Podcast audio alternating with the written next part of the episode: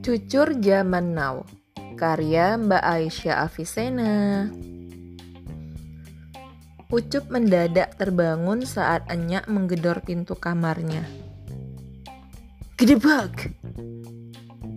Karena posisi tidur Ucup sudah berada tepat di pinggir dipan, akhirnya dia terjatuh dengan sukses. Au! Teriak Ucup kesakitan sembari mengucek matanya yang masih sepet. Ucup! Sudah siang nih. Lalu kagak jadi pergi. Suara Enyak makin melengking sadis. Ucup bangkit dari kubur. Eh, dari posisi jatuhnya yang menggelepar seperti ikan lele keluar dari kolam dan jatuh ke tanah. Ia berjalan mendekati meja di pojok kamar untuk mengambil ponselnya. Smartphone berwarna hitam berukuran 5 inci yang baru dibelinya itu ternyata sudah berkoar-koar sejak dua jam yang lalu.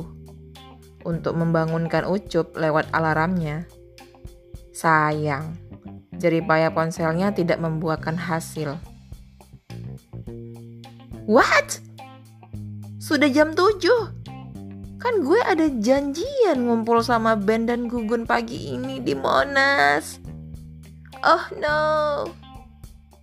Ucup segera melempar ponselnya ke kasur dan bergegas keluar kamar untuk mandi.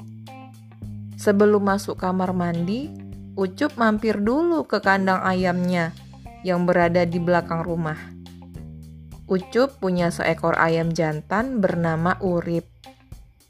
Urip, kamu pelit banget sih berkokok. Gue jadi kesiangan nih.